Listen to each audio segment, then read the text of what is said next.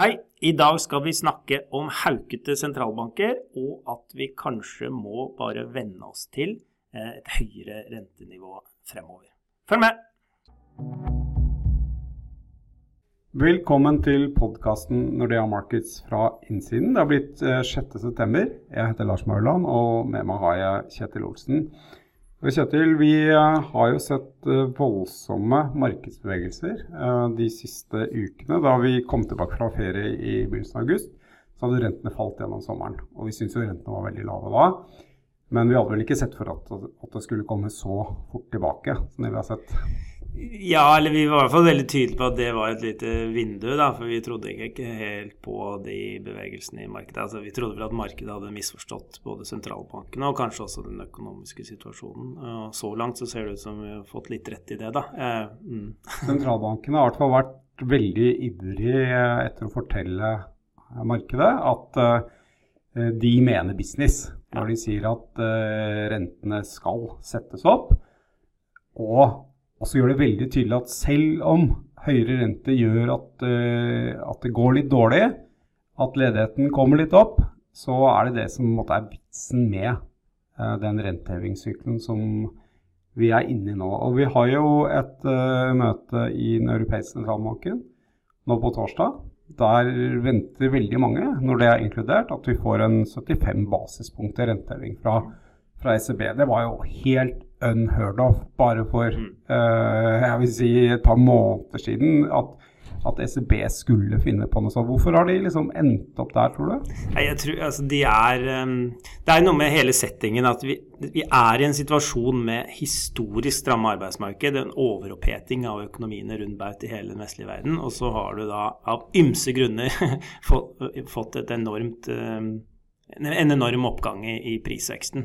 Og de er de er blitt livredde for at dette skal feste seg. Og, og de snakker litt nå også om Det spiller egentlig ikke noen rolle hvor inflasjonen kommer fra, om det er tilbudsside eller etterspørselsside. Inflasjonen er høy, um, og gitt situasjonen i økonomien, så er de livredde for at inflasjonen skal feste seg på et høyt nivå. Så de tør liksom ikke å ta sjansen på at dette skal det ordnes opp av seg sjøl, da. F.eks. i Europa at liksom høye strømpriser, gasspriser skal bidra til så dårlige tider at det i seg selv får ned inflasjonen. Det, det tar de ikke sjansen på. Nei, Da får man heller ofre arbeidsmarkedet på veien. Det er vel det det egentlig sier? Ja, de gjør nok det. De går inn med åpne øyne og, og sier at her eh, Det skal svi. Fordi vi, vi, skal ha inflasjonen ned, og det er vår jobb. Um, og vi kommer ikke til å gi oss uh, før vi er helt sikre på at uh, prisveksten er kommet ned. Nei, og vi har jo sett, altså Råvareprisene har jo falt en del tilbake, mange råvarer i hvert fall. Eh, men allikevel så ser vi jo at det er veldig mye prispress igjen mm. i, i markedet. Så det, dette løser seg nok ikke helt på egen hånd. Og det var jo veldig lenge en måte, rådende oppfatning, og mange mener nok det fortsatt, at de høye prisveksttallene de skyldes forstyrrelser knyttet til pandemien, leveranseproblemer, og nå eh, også forsterket av krigen i, i Ukraina. Men vi ser jo nå at det er stadig flere som løfte blikket litt mer. Mm. Og du er jo en av dem, Kjetil. Du er en leder i DN i morgen. Skal vi spoile den litt her? Mm. Um, og der skriver du at vi må nok venne oss til høyere inflasjon og høyere rente. Hvorfor det? Nei, altså uh, En ting er at prisveksten har tatt seg opp nå. Men jeg tenker også, og det er som du sier, det er flere også som er inne på de samme tankene. Bak scenen her, da, på et vis um, men også som en konsekvens egentlig også av, uh, av pandemien og krigen i Ukraina, så kan det skal si, foregå litt, mer, litt mer sånn strukturelt da, i, i, bakgrunnen her, som kan bety at vi fremover vil oppleve et jeg bruker ordet strukturelt igjen, et strukturelt høyere lønns- og prispress. Um, og bakgrunnen for det er at da må vi gå litt tilbake til altså Hvis vi ser tilbake på de siste 30 årene, så har de da har, har, inflasjonen gjennomgående vært lav, og ikke minst lønns- og prispresset har vært lavt. Um, drevet i stor grad av en stadig økende globalisering, Kinas inntreden i verdensøkonomien, Berlinmurens fall, hele den røkla der, har liksom påvirket både liksom arbeidstakernes eh, forhandlingsmakt men også gjennom globalisering, effektivisering, verdikjeder som har vært drevet mot en sånn kostnadseffektiv just in case-type prosess, da, som har gjort at det har vært et vedvarende press ned på priser og lønninger. Um, som har påvirket liksom, renteutviklingen og stadig lavere renter og lave renter generelt. Um, og mitt poeng da er at en del av de tingene kan nå være i ferd med å snu og, ja. og bidra motsatt vei, kanskje. Ja, Som du sier, verdikjeder har vært liksom just in time, kanskje ikke just in case. Vi går mot just in case nå. Mm.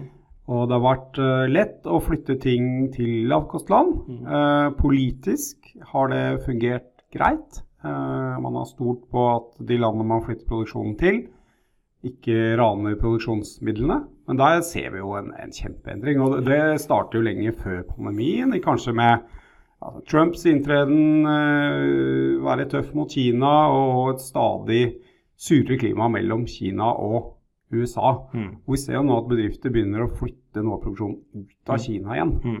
Og det er klart Kinas inntreden på verdensmarkedet har vært ekstremt viktig for eh, stadig lavere vareinflasjon. Vi har hatt mm. negativ vareinflasjon egentlig siden Kina kom inn mm. for ordentlig, ordentlig på, på, på, verdensmarkedet. Det stopper nå litt opp, går kanskje til og med litt i revers. Så, så det, det, alene vil jo gjøre uh, sannsynligvis en, en, god forskjell. da. Ja. Jo, for jeg, jeg, peker på tre, I den lederen altså, tre, peker jeg på tre forhold. Det ene er liksom globaliseringen i seg selv var nok kommet veldig langt allerede før pandemien. Eh, og, og, bare det at den på en måte stopper opp å utvikle seg videre, vil ta bort, kall det en sånn disinflatorisk eh, prosess. da. Men så har også både pandemien og krigen eh, pekt på noen risikoer her. Som, svakheter i systemet. Svakheter i systemet, ja. Som mange har fått øynene opp for, eh, kanskje. Og nå tenker kanskje at nå må vi sikre verdikjedene våre. Eh, noen tenker kanskje å bringe produksjonen mer hjemover igjen. Eller i hvert fall eh, ha flere leverandører i ulike land for å ha en mer trygg leveransekjede. Og det er kostnadsdrivende. Og på toppen av det her, da, Lars, er også Liksom, på arbeidsmarkedet og, og den demografiske utviklingen godt i ferd med å snu både i Vesten, men også ikke minst i Kina. Fordi samtidig som disse, denne globaliseringsprosessen har pågått da, de siste 30 årene, så har det vært en voldsom vekst i, i, mennesker i arbeidsdyktig alder, både i Vesten og i Kina. Og for en del år siden så begynte denne utviklingen å snu. Eh, og det betyr at vi, aldringen av befolkningen gjør at det kan også bli et mer sånn, kall det strukturell mangel på arbeidskraft da, fremover.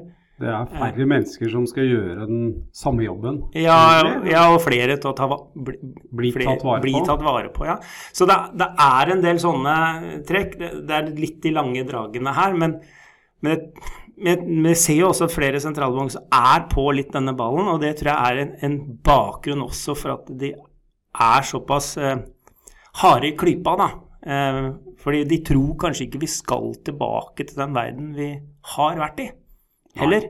Eh, det har vært et litt sånn kall det Goldilocks-scenario, ja. egentlig. Som, og vi ser jo det globaliseringen slår sprekker. Nevnte USA, Kina, eh, Russland, Europa. Taiwan. På, på gass, ja, Taiwan.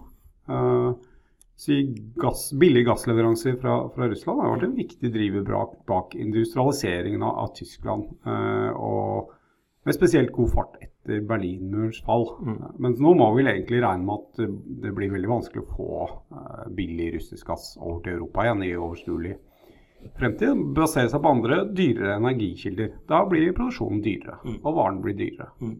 Nei, så jeg tror dette er litt av bakteppet også, da, uh, for den uh, Kall det tildreiningen vi har sett fra sentralbanker verden rundt nå Eh, egentlig bare i, høst, men det er ikke det nye tanker, det er ikke noe som skjer over natta, det greiene her. Men jeg tror det er litt av bakteppet òg, da. Eh, for at de er såpass uh, hawkish. Det er at det er ikke sikkert dette bare er liksom krigen og ettervirkninger av pandemi. Men det kan være noe mer grunnleggende bak. I tillegg til at vi har en ekstremt um, pressa liksom realøkonomi. da, Arbeidsmarkedet er ekstremt uh, pressa uh, rundt baut.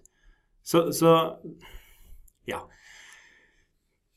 Hva er det hun Snabel i ECB kaller dette her? Vi, vi kan gå fra en periode som, som, har vært omtalt som the great moderation, som er liksom de siste 30-40 årene, denne Goldilock-situasjonen din, til noe hun omtaler som kanskje the great volatility. Og det er vel det vi nettopp ser i markedet nå. at det er Stor usikkerhet, store svingninger. For det er, det er på en måte en, på alle mulige måter en ny verden vi er i nå. Eh, vi har ikke vært her på 40 år. Eh, mm.